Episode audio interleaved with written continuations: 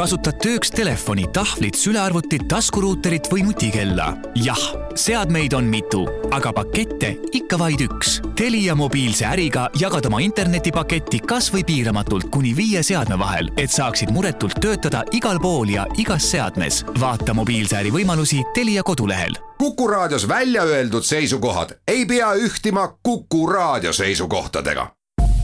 Te kuulate Kuku raadiot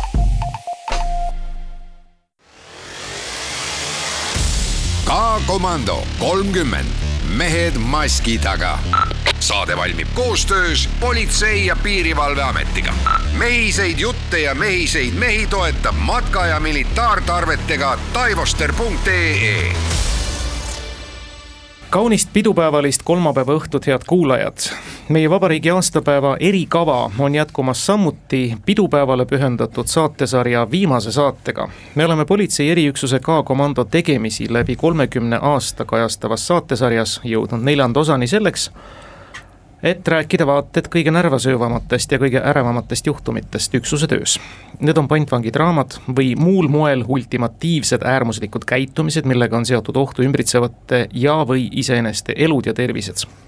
ühest väga kurvast loost me jõudsime tegelikult juba siin saatesarjas kõneleda, üheksakümne viiendal aastal toimunud Rapla juhtumist, kus taolises sündmuses kaotas elu väike poiss.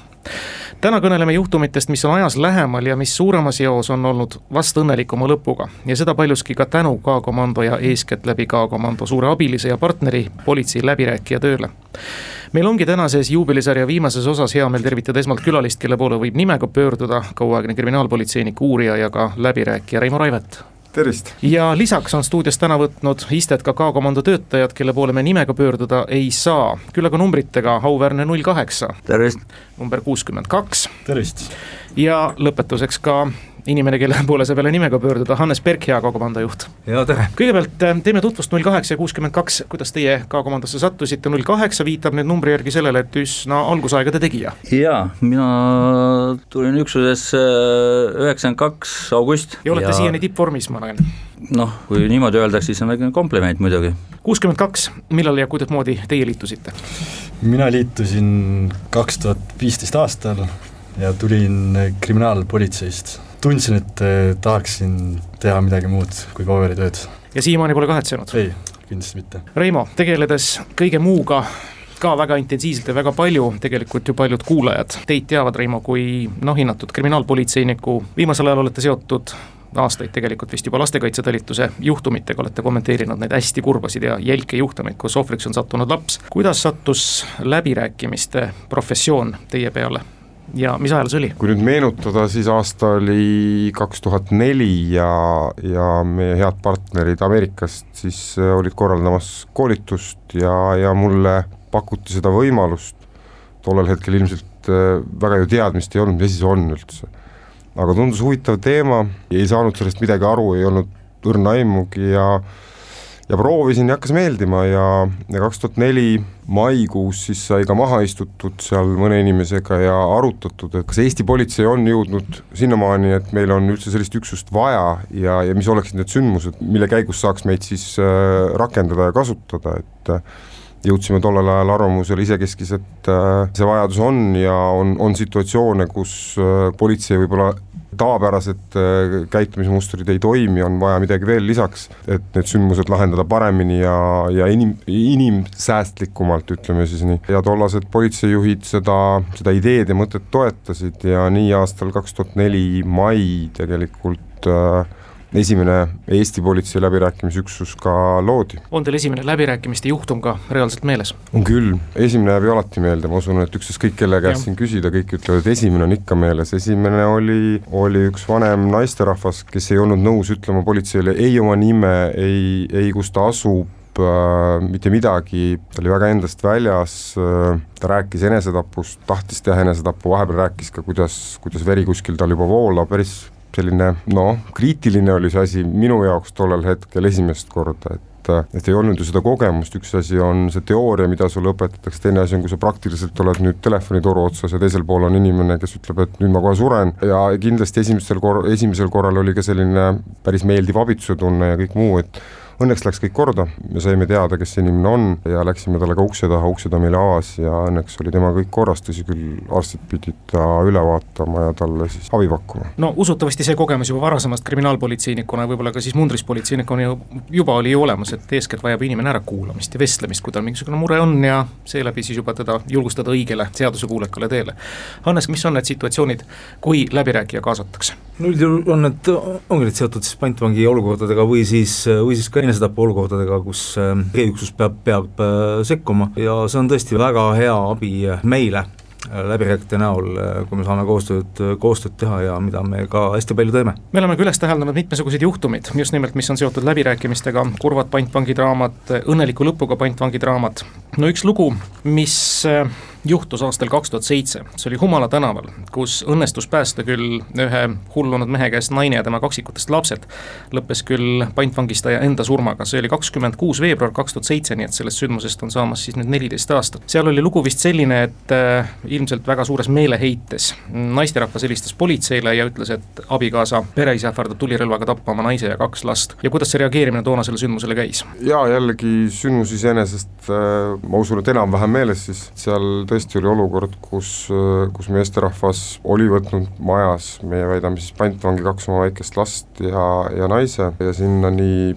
läbirääkijaid kui ka K-komando siis äh, reageerisid ja üritasime anda endast kõik parimat, selles mõttes, et see, et lapsed ja, ja naine ellu jäid, oli, oli minu arvates väga hea, et see, et äh, see isik ise otsustas omalt elu võtta, noh, kurb iseenesest äh, tahaks alati maksimumi ja, ja püütakse alati maksimumi poole, et kõik ellu jääks, kahjuks seekord see täiel määral ei õnnestu. Need lood võivad olla ju standardsed, kui me siin lihtsalt pealkirja vaatame, võttis pantvangi, tuli läbi rääkida ja nii edasi, ähvardas midagi õhku lasta, tuli läbi rääkida, läks kõik hästi. loomulikult nad isikuliselt ja sündmust arvestades on kõik väga erinäolised. võtame näiteks Õismäe juhtum kaks tuhat viisteist, vanem härra ähvardas lihtsalt gaasiga kogu maja õhku lasta, kogu maja tuli evakueerida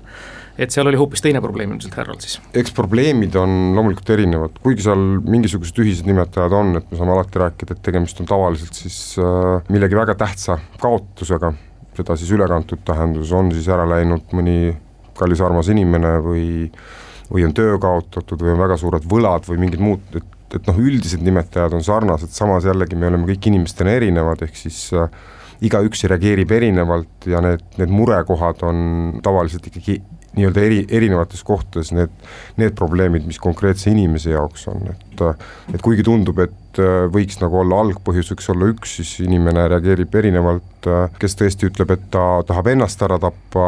kes mingil põhjusel otsustab äh, laiendada oma mõtet ja ähvardab näiteks kogukonda või või ka, või ka teisi lähedasi näiteks, aga iga juhtum on unikaalne, et äh, seda nüüd arvata, et äh, kõik on nähtud ja, ja, ja kõigele annab nagu kogemuse pealt äh, reageerides, vastupidi, tegelikult üks asi, mida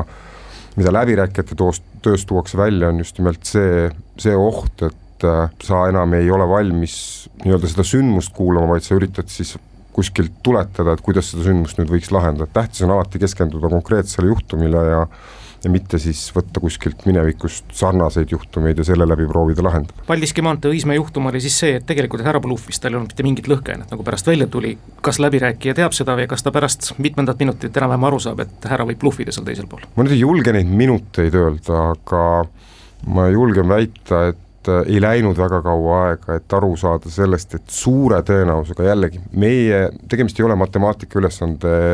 täitmisega, et üks pluss üks on kaks meil võib ta vahel kolm ja üks ja neli ka olla, et äh, ma usun, et üks paarkümmend minutit läks meil aega aru saamaks sellest, et tõenäoliselt ta lõhkeainet ei ole, tõenäoliselt ei oska ta ka lõhkeainega ringi käia ja tegemist on siis tõenäoliselt tõesti vanema meesterahvaga, kes võib-olla vajab hoopis meditsiiniabi ja ma usun, et antud juhul oli sellest ka selles mõttes K-komandole nii palju abi, et äh, K-komando selle info pealt oskas siis äh, oma tegevusi vastavalt planeerida ja veel kord, et väga professionaalselt see vanem härra siis ka noh, ütleme kinni peeti siiski, aga tehti seda kõige säästvamal moel, mida mina oskan kirjeldada, minu teada ei juhtunud temaga absoluutselt midagi halba ja ta anti üle ka meedikutele, et võib-olla, võib-olla see teadmine, et et läbirääkijad arvasid ja eeldasid suhteliselt kindlalt seda, et lõhkeainet ei ole, võimaldas siis ka K-komandol just nimelt sellisel moel selle rünnaku läbi viia ja ja võimalikult vähe kahju vanahärrale tekitada. Ongi hea juhus küsida. Nüüd ka teiste stuudios olijate käest, et kui K-komando reageerib taolisele väga raskele sündmusele, läbirääkija on kohal, kuidas teie tavaliselt positsioneerute? kas te olete kuskil varjul, kuidas on teil nii-öelda sidepidamine läbirääkijaga konkreetselt, kuidas teie infot ammutate ja oma plaani nii-öelda selle võrra siis täiustate, kas siseneda, kuidas siseneda, on seal lõhkeainet, ei ole lõhkeainet ja nii edasi? Ja kui nüüd tuua näiteks, näiteks sama Õismäe sündmus, siis äh, meil on olemas äh, nii-öelda standardoperatsiooni protseduurid äh, sellisteks olukordadeks, jõudes sündmus, sündmuskohale, siis me siis teeme oma protseduurid ära. me võtame siis vastavad operatsiooni elemendid, võtavad üles vastavad positsioonid vastavate ülesannetega ja, ja tol hetkel olin mina juba üksuse ülem ja jäin staapi ja, ja mäletan ka seda sündmust päris hästi ja ja koostöö, koostöö nii operatiivjuhi kui, kui läbirääkijatega oli tõesti väga hea, et mida siin nagu äh, lisada veel äh, selle kohta äh, Reemo jutule on see, et vaatamata sellele, et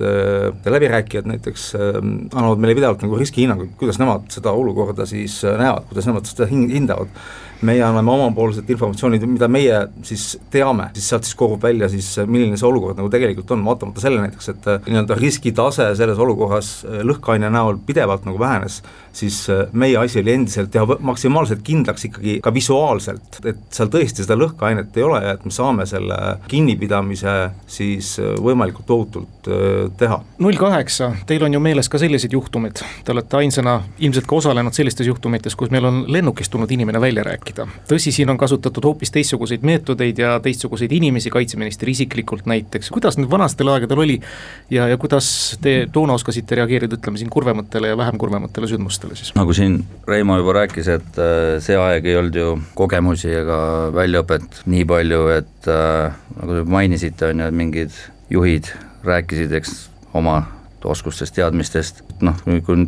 praegust vaadata, siis on jah, ega teadmised ja need on ju kogu aeg iga aastaga täienenud ja asjad on nagu noh, liikunud nagu paremas olnud tehnika ja vahendid ja väljaõpe ja ei saa nagu võrrelda, mis oli siin üheksakümnendatel ja praegust. kuuskümmend kaks, mis sündmustel teie olete viibinud taolistel olukordadel ja mis on teie positsioon olnud? mina otseselt ei olegi viibinud sellistel läbirääkijatega kaasatud sündmustel, et ma olen osalenud ka lõppustel ja siis siis hõbe, hõberemmelga, kus seda ei, ei saa päris, päris liigitada me tahtsime selle jätta nüüd natukene sinna lõpupoole, see on ikka korralik läbirääkimiste sündmus, ma jälgisin seda ju otse laivis ja väga paljud seda ka ilusti üle kandsid ja, ja seal oli ka kuulda ka teinekord, mida siis tõstuki korvist läbirääkija puu otsa roninuga rääkis, see oli päris põnev. aga kuidas see pilt siis nii rõõmsalt välja nägi? Tuleme siis selle sündmuse juurde praegu, jutt käib siis äh, kahe tuhande seitsmeteistkümnendal aastal äh, Haabersti remmelga mahavõtmist takistanud kodanike poolt, kes siis otsustasid viimases hädas korraliku Greenpeace'i kombel puu otsa ronida ja sedapidi siis oma puud kaitsta. oligi täpselt nii, et olime baasis ja jälgisime siis meediast, et mis seal toimub, et seal oli suur rahvamass oli kogunenud ja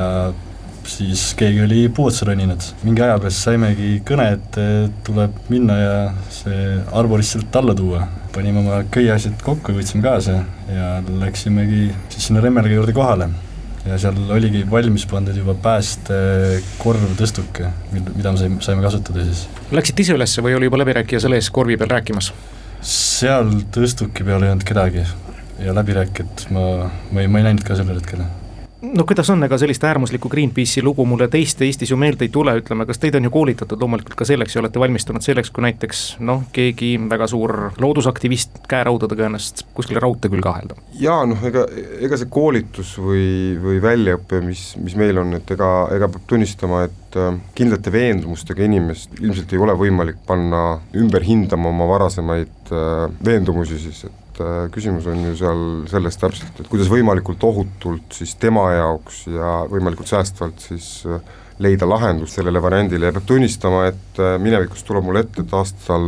kaks tuhat neli oli olukord, kus päris Greenpeace pidi meile tulema sinna aheldama mm -hmm. tõesti ja, ja siis me valmistusime päris tõsiselt, et mäletan, et oli, oli väga soe suvepäev või, või varakevad või kevadine päev, aga ja olime ühe laeva peal täitsa, täitsa valmis seal Greenpeace'i endaga siis äh, suhtlema, et et eks seal on samad asjad, et tuleb, tuleb leida need võimalikud lahendused, tõesti keegi, keegi viga ei saaks, see on ju meie, meie eesmärk, et me ei lähe sinna selle teadmise eesmärgiga, et äh, me nüüd tõesti inimese veename kuidagi teistmoodi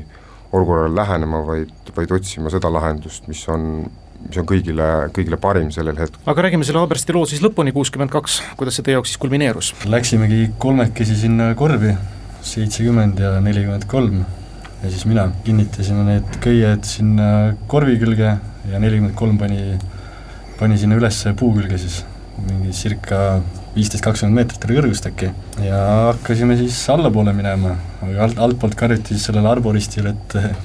roni kõrgemale, et mingid erimehed tulevad. Ja siis nii see kerge tagaajamine seal käis. Siis lõpuks mingi aeg ma saingi tal jalast kinni ja, ja siis edasi juba läks niimoodi, et nelikümmend kolm tuli ka sinna, panime tal turvarakmed külge ja võtsime ta korvi nii, ja kas sai siis kinnipeetu veendumusi ka kuulda vähe valjemas toonis? eks ta seal üritas, üritas põgeneda alguses, et jalga kätte saada, aga lõpuks, kui ta sai aru, et, et tal pääsu ei ole, siis ta hakkas laulma hoopis. K-komando kolmkümmend, mehed maski taga. saade valmib koostöös Politsei- ja Piirivalveametiga. suuri ja väikeseid seiklusi toetab parima matka- ja militaarvarustusega taivoster.ee kahe tuhande seitsmenda aasta oktoobris sai lugeda pealkirju Sergei ja ta naine toodi majast välja raudus käsi nagu terroristid. see oli Tuulemaa tänaval toimunud juhtum Põhja-Tallinnas, kus õnnestus laps küll tervena välja tuua ja kui siit pealkirju lugeda, siis ilmselt ka kõik teised asjaosalised. kas see lugu on meeles, see on ka üks hästi ammune lugu, neljateist aasta tagune, mismoodi seal asjad hakkasid kulmineeruma, kas ta teistest kuidagimoodi erines? no kindlasti erines, et kui me räägime sellest, et äh, meil on väike, ma nüüd mälu järgi mäletan, et kahe-kolmeaastane laps, tüdruk, kellel tema lihane isa hoiab nuga kõri peal ja lubab selle kõri läbi lõigata ja sa oled sellest kurjategijast ma ei tea, nelja meetri kaugusel, siis õnneks seda Eestis väga tihti ei juhtu, et sa pead ikkagi suutma oma emotsioone tasemel hoidma, et, et need ei, need ei hüppaks kuhugi üles, et äh, see oli päris, äh, päris räige vaatepilt ja ega see mina julgen küll öelda, kurjategija nüüd väga stabiilne oma emotsioonidega ei olnud, et rääkimist oli temaga palju ja, ja lõpuks siis tõesti K-komando oskuslik tegutsemine koos rääkimisega viisid siis selleni, et see kurjategija peeti kinni ja minul on mälupilt, et äh, tegelikult äh, sellel hetkel, kui K-komando ikkagi ründas, sellel hetkel see kurjategija andis endast parima, et oma, oma isiklikule lihasele lapsele siis ka proovida viga teha, et müts maha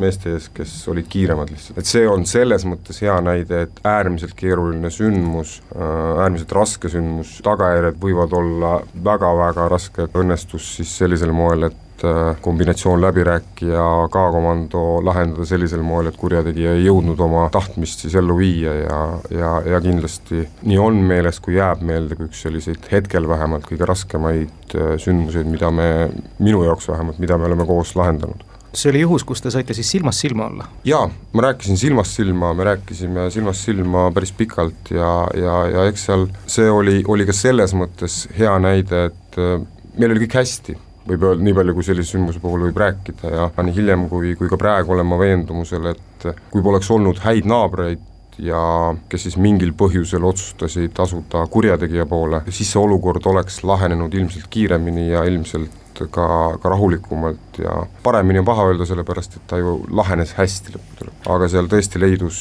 äh, jutumärkides häid naabreid, kes siis kurjategijad hoiatasid ka komando eest ja kutsusid esile siis kurjategija väga-väga agressiivse käitumise muutuse, mis viis meid siis nii varem planeeritud taktikate muutuseni, kuni, kuni lõpuks siis selleni, et hea küll, see rünnak, mis läbi viidi, ei olnud äh, selles mõttes ehku peale viidud, vaid äh, mina väidan, et teati, kes mida täpselt teeb, aga ikkagi alati, eks K-komando mehed oskavad paremini võib-olla kommenteerida, aga alati on sellisel puhul risk olemas, et parem on see, kui need sündmused lõpevad nii, et kurjategija annab alla. see sündmus üldse oli jah, ta, ta, selle sünd-, sündmuse iseloom oli selline hästi kõikuv ja muutuv ja, ja me tegime seal hästi palju erinevaid tegevusi tegelikult, et äh, vahetasime positsioone, snaiperid vahetasid positsioone, rünnakurühmad vahetasid positsioone, erinevad rünnakurühma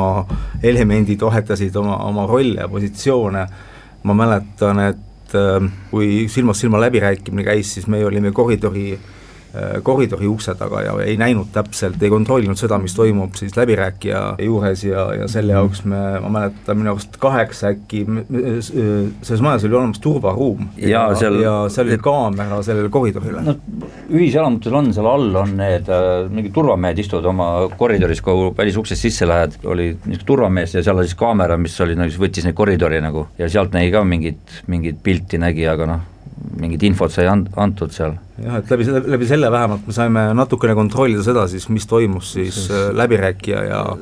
ja Ukse läbi, läbi räägitava vahel, jah. et aga jah, mingi hetk äh, meil õnnestus saada siis korteri ukse taha juba ja see kulminatsioonimoment oli siis ikkagi äh, nii-öelda planeeritud, meil oli selleks ajaks ikkagi nagu teada juba, mis seal majas toimub, kus seal, kuidas korteris õigemini, mis oli tuba. ühikutuba, jah vot see oli vaata, et snaiprid nägid nagu pilti, on ju, et ja läbirääki-, jutu käigus oli vaata nagu niisugune stabiilne oli mees, aga tegelikult see liikumine toas oli niisugune nagu agressiivsem. ja jah, meil selles mõttes jah, toa, toa, toa asetus oli meil enam-vähem, enam-vähem nagu arusaadav ja selge, et ja kus, kus laps asub, see oli ka meil, meil, meil, meil teada. kasutades siis läbirääkimise käigus tekkinud soodsat juhust, siis me ka rünnaku lõpuks äh, teostasime. sisenemise koha pealt või rünnaku koha pealt oli suhteliselt klassikaline ja ma mäletan, et mina, mina sattusin siis otse siis nii-öelda siis silm silma vastu siis selle äh, isaga, kes siis äh, nuga käes hüppas oma tütrele peale, nuga oli siis üleval ja, ja hakkas, võttis siis käega lapsest kinni, justkui hakkas last lööma, ma otsustasin, kuna see distants oli väga väike ja ja kõik, kõik see toimus nagu meeletu, meeletu kiirusega, et ta hüppas lapse peale, ma otsustasin relva mitte kasutada, haarasin tema noaga käe käest tema haaras minu, minu relva käest, aga siis juba keegi selja tagant tuli ja haaras sellest, sellest noaga käest, ma siis suutsin vabastada oma relva tema haardest ja, ja panin relva ära, võtsin, võtsin tüdruku sülle kiiresti voodist ja keerasin seljale ja andsin üle kellelegi teisele, meie, meie operaatorile. ja operaator viis välja, anti üle, üle, üle, üle Reimole ja siis see pereisa nii-öelda hakkas meile väga tugevalt äh, vastu. sellest noast ta nagu loobuda ei tahtnud või? Vastu loobuda ei tahtnud äh, ja, ja ravastada ennast ei lubanud. no võitles vastu? võitles vastu ja, ja, ja, ja räuskas ka päris kõvasti ja meil oli tükk tegemist, et ta lõpuks siis äh, ravastada ja maha rahustada. kasutades juhus, Reimo, et siin olete stuudios rääkimaks läbirääkijatest, millest te olete muidugi varem ka rääkinud, ega hästi mitu müüti on, ma juhtusin nägema ühte Elisa Huubis praegu jooksvat sarja, kus viimases osas näidati ka ühte läbirääkimisstseeni, andmata nüüd hinnangut, kuidas see mängitud oli, aga kas on siis nüüd standard see, et läbirääkija alustab põhimõttelisi kõnelusi võhivõõraga, et kuule, kindlasti on sellel olukorral parem lahendus kui praegune? noh, põhimõtteliselt ka see on huvitav selles mõttes, et äh, eks me ju seda üritamegi arutada, et millised variandid nagu on, et üks variantidest on see, mis praegu ja, ja on veel hulk variante, ja küsimus on jah, võib-olla selles algusetapil sellel, et äh, kas see teine pool nagu on äh, aldis kohe nüüd äh, nõustuma sellega, et jah, ongi teised variandid, et tõenäoliselt kui ta on jõudnud nii kaugele nagu nendes olukordades kirjeldatud, siis vaevalt, et ta nüüd kohe, kohe tahab teisi variante kaaluma hakata, et ta esialgu on ikkagi väga selgelt kinni omas versioonis ja variandis ja, ja hilisema vestluse käigus on võib-olla siis võimalik äh, arutleda teiste versioonide üle. ja kuidas sellega on, ka vist müüt, et äh, tingimata alati pealäbirääkija pakub iseennast kellegi vastu pantvangi või? jah, sellega on nüüd küll, see on nüüd täiesti müüt, selles mõttes, et vähemalt meile on äh, õpetatud ja ka praegu meie oma noortele kolleegidele õpetame, et see tundub küll väga kangelaslik ja, ja võib-olla filmis näeb ta hea välja, aga, aga tegelikult läbirääkija ennast pantvangide vastu välja vahetada ei tohi, juhul kui ta seda teha tahab, siis tuleb ta ilmselgelt välja vahetada hoopis ise ja kuhugi ära viia, selles mõttes, et see läbirääkija ei ole enam võimeline oma tööd tegema, ta on sellise huvitava sündroomi kütke langenud nagu Stockholmi sündroom põhimõtteliselt ja, ja ma usun, et kui, ma vähemalt loodan, et kui, kui tulevikus peaks minuga juhtuma midagi sellist, et ma tahan ennast pantvangide vastu vahetada, siis head kolleegid jällegi K-komandost takistavad mind ja, ja viivad mind ära sealt, et ei, see on, see on täielik müüt ja seda me ei, ei, ei tee ega ei tohigi teha. üks väga oluline roll läbirääkijate juures meie jaoks on alati see, et et esmane info on alati esimene info, et on pantvangi olukord, meil on neid, eelmine aasta oli ka päris mitu mitu sellist sündmust, kus me kogu see, kogune, kogunesime staapi justkui sellise informatsiooniga, et meil on pantvangi olukord. ja, ja üks kõige olulisem moment läbirääkijate töös ongi see, et nad meie jaoks tähendab, on nii-öelda selgitada välja, mis olukorra meil, olukorraga meil tegelikult tegu on, kas meil nüüd on tegu pantvangi, pantvangi olukorraga või on tegu hoopis meil mingisuguse muu olukorraga. näiteks eelmine aasta meil siis koostöös äh, päris mitmel korral siis tegelikult tuligi välja, et meil pantvangi olukord ei ole, oli tegu hoopis mingisuguse muu olukorraga ja, ja noh, ei olegi see olukord nagu niivõrd ohtlik, see on tähtis sellepärast, et äh, kui eriüksus saab endale teada, et on pantvangi olukord, mida tegelikult ei ole ja eriüksus seda täpselt ei tea, siis eri, eriüksus hakkab lahendama ikkagi pantvangi olukorda, olukorda, kuigi seda olukorda tegelikult ei ole. kuidas on, ega ma siis pean ära küsima, Reimo, millest see lugu kõik algab? mingisugune teave tuleb, on ta siis pantvangi olukord või ei ole ja mis on nüüd esmane info, mida kindlasti läbirääkija endale nõutab? jaa, loomulikult meid huvitab, kes ta on, millega ta tegelenud varasemalt on, millega ta politsei jaoks silma on paistnud, kas tal on relvi, seadu-, ebaseaduslikke, seaduslikke, tegelikult kui käib jutt relvadest, lõhkeainetest, siis äh, analüüs selle kohta, kas, kas see inimene äh, on üldse võimeline neid näiteks hankima, et see analüüs ei, ei põhine ainult sellel, mida meile räägitakse ühelt või teiselt poolt, vaid ta põhinebki kogu sellel kompleksil. Ja, ja selle pinnalt siis antakse esmane analüüs, kas kas see jutt, mida näiteks võib-olla meie kolleegid, patrullpolitseinikud, kes on väga tublid ja kogunud esmase info kuskilt saanud, mida nad meile edastavad, et kas, kas see ikkagi nii-öelda adekvaatselt ka leiab kinnitust, et ma olen kindel, et nad tahavad meile parimat ja annavad meile, mis neil on, meie asi on nüüd see üle kontrollida, et äh, minu praktika on küll öelnud seda, et kontrolli alati üle, et hinda seda informatsiooni, mis see on, ja kontrolli üle, et veel kord, see Õismäe info, mille me saime, oli, tegemist oli Vene eriüksuslasega, lõhkeainespetsialistiga, kõige muuga. kakskümmend minutit hiljem me ütlesime, et pigem see inimene ei ole lõhkeainet kunagi näinudki, ta ei tee midagi ja Hannes toob täiesti õige asja välja, et kui, kui meie anname valehinnangu, siis nemad ründavad täisjõuga ja, ja tagajärjed olukorras, kus me ei taha mitte kellelegi halba, kaasa arvatud sellele isikule, kes selle, selle sündmuse initsieerib, võivad olla ju väga-väga rasked ja, ja hiljem, hiljem siis tekibki see küsimus, et miks K-komando ründas, kui, kui näiteks pantvangi ei olnudki, võib-olla oleks seal vaja hoopis tõesti eelmise aasta sündmused seal hiljem hindasimegi, et võib-olla piirkonnapolitsei töö, et see, et antakse hinnang, see, et K-komando professionaalselt äh, seab ennast valmis ja on valmis kõigiteks olukordadeks, aga, aga peale olukorra selgitamist või selgi, selginemist äh, võetakse vastu nüüd uued ja uued otsused ja selle pinnalt siis otsustatakse edasised tegevused, et see ongi minu arvates selle professionaalsuse tunnus. võiks ju selle stressi pealt minna sinna, et meil on pantvang, me ründame täie jõuga, ma ei tea, ma olen kindel, et nad, nad oskavad võidelda, ujuda, lasta, kõike seda nad oskavad äh, ja pärast siis mööname, et aga tegelikult ju midagi, midagi mm -hmm. nagu ei olnudki. tähtis on see, et me ei, me ei lahendaks olukorda, mis on meie peas, vaid ikkagi ja. tegelikku olukorda, mis on siis äh, põllul. ja kuidas siis on, kontakti võtta esimene on telefoniga, võib-olla kindel, et ta vastu võtab või? jaa, telefon on alati, mulle, mulle meeldib telefon, telefon on selline hea, turvaline võimalus äh, rahulikult nagu siingi nõjatuda siis toolileenile ja soojas kohas, kus on toredad head kolleegid, turvaliselt kellegagi juttu puhuda, et et see mulle meeldib loomulikult, et äh, selline silmast silma rääkimine, selleks peavad olema siis mingisugused väga selged põhjused, miks ma tahaksin seda või sooviksin mm -hmm. seda, et, et ma pigem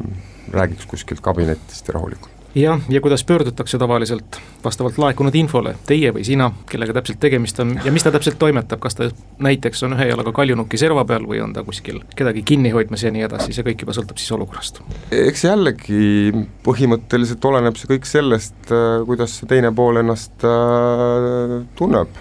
kuidas talle kõige paremini sobib, see vestlus ei ole ju meie initsieeritud vestlus, see on tema poolt soovitud vestlus, isegi kui ta vahel ütleb, et ta seda ei soovi ja ei ole nõus meiega rääkima, siis lõppkokkuvõttes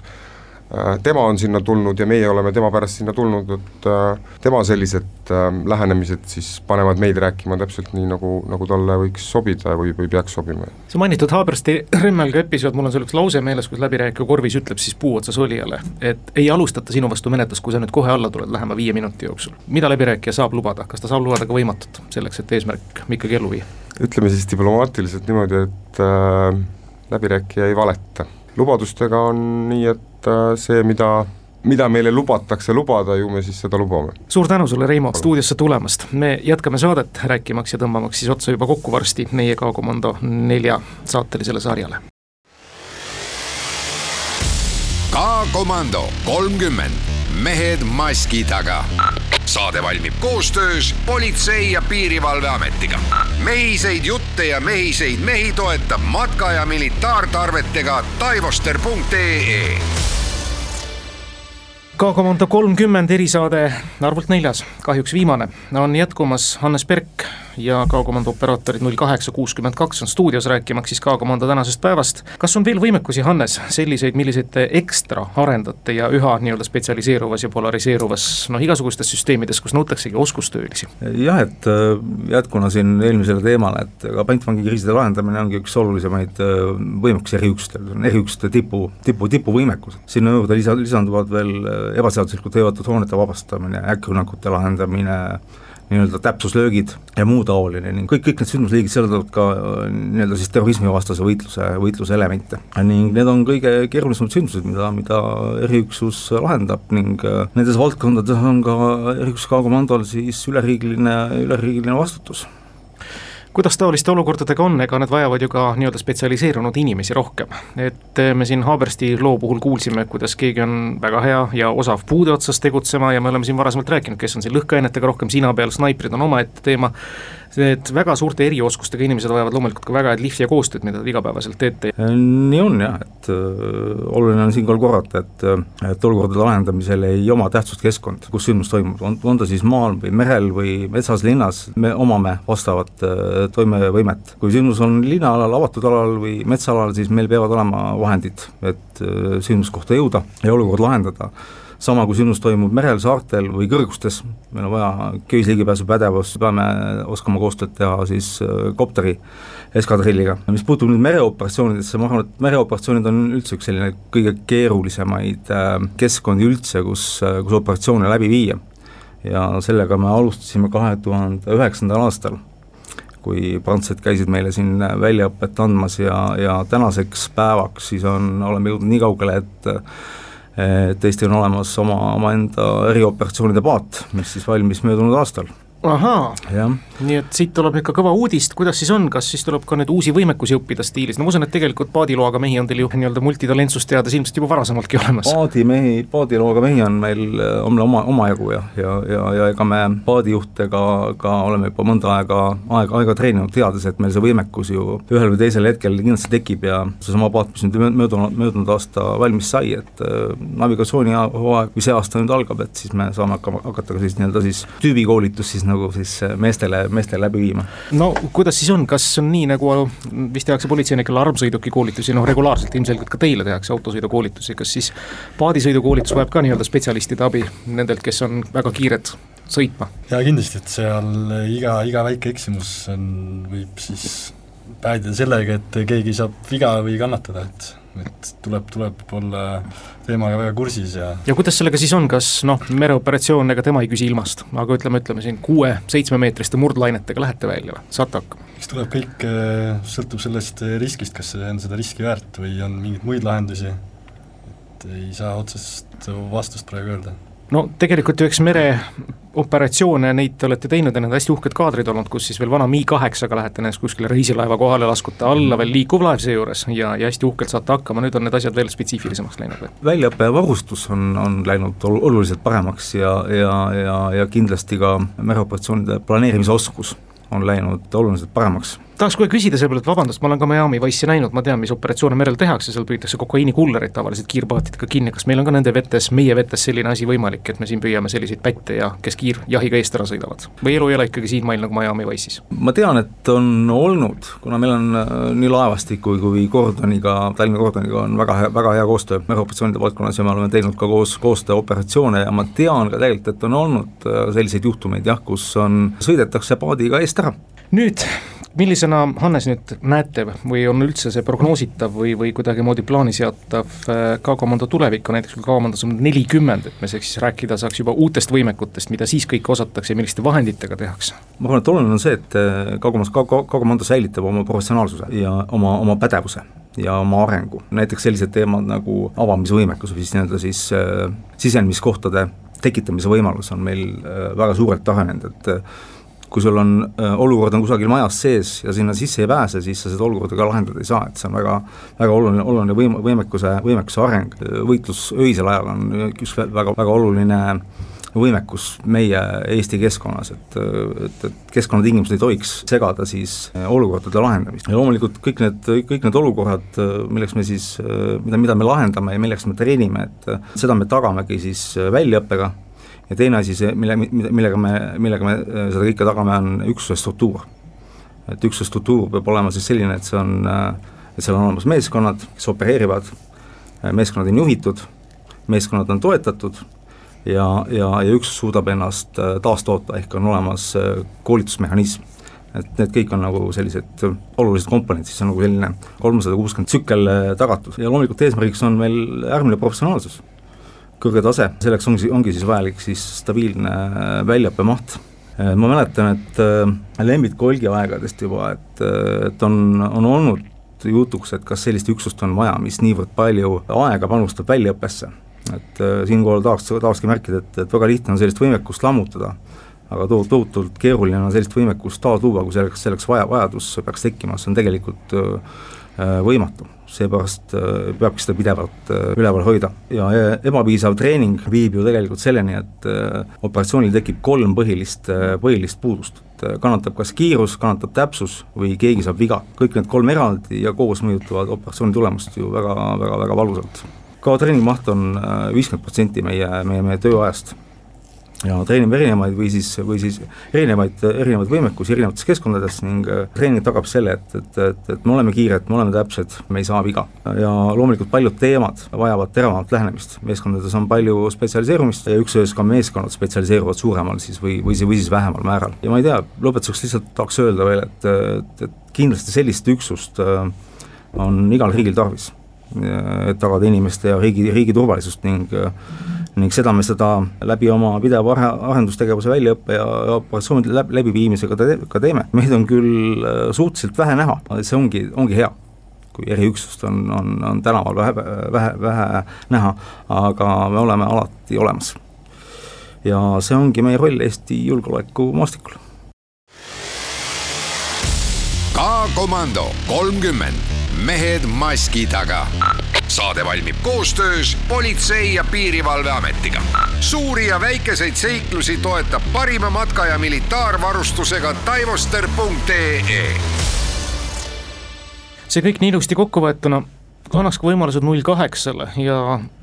kuuekümne kahele ka ja tegelikult kõigepealt null kaheksa ja, ja Hannes, teie kui ikkagi väga staažikad ja peaaegu kolmkümmend aastat sellest kõigest mm, olnud. alati on räägitud sellest, et kaadrivoolavus on alati väga väike K-komando puhul olnud, mis annab tunnistust ikkagi ütlemata heast ja kokkuhoidvast kollektiivist. kas ajad on selle võrra ikkagi muutunud, et nooremad mehed on nagu vähe teistsugusemad, ma ei räägi, et nad jõu ja, ja mõtlemisomaduste poolest, aga nagu iseloomud siin, ma kujutan ette, et olite nii enam-pidi koos ka töövälisel ajal.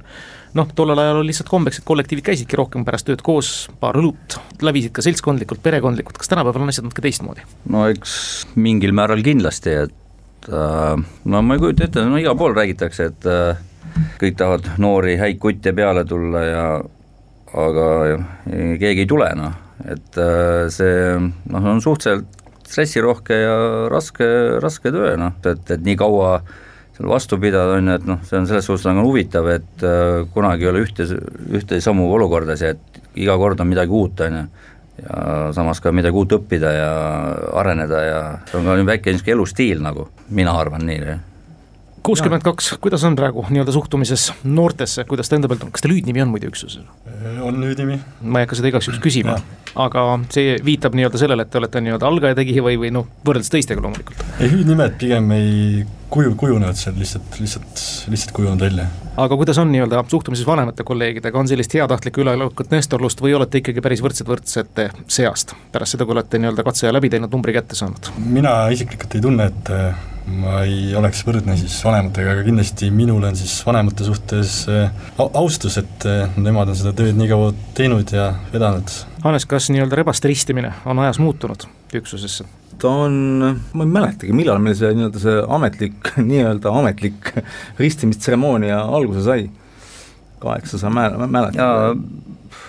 Ma arvan siis, kui nii nagu me seda tänapäeval läbi viime, et äh, kas siis äh, lombi tulekuga, et tema kuskil kaks tuhat, kaks tuhat neli, kaks tuhat neli jah, et ilmselt ma arvan, niisugune tema, tema mõtles äh, mingeid huvitavaid asju välja seal ja kogu aeg iga aastaga täienes see, otsisime ka erinevaid versioone, on ju, nagu, nagu katsetega, vaata kogu aeg oleme teinud seal ja katsed on, katsed on paranenud ja siis ka rebaste vastuvõtmise protseduur on äh, ajas, ajas arenenud ja paranenud. see ongi, et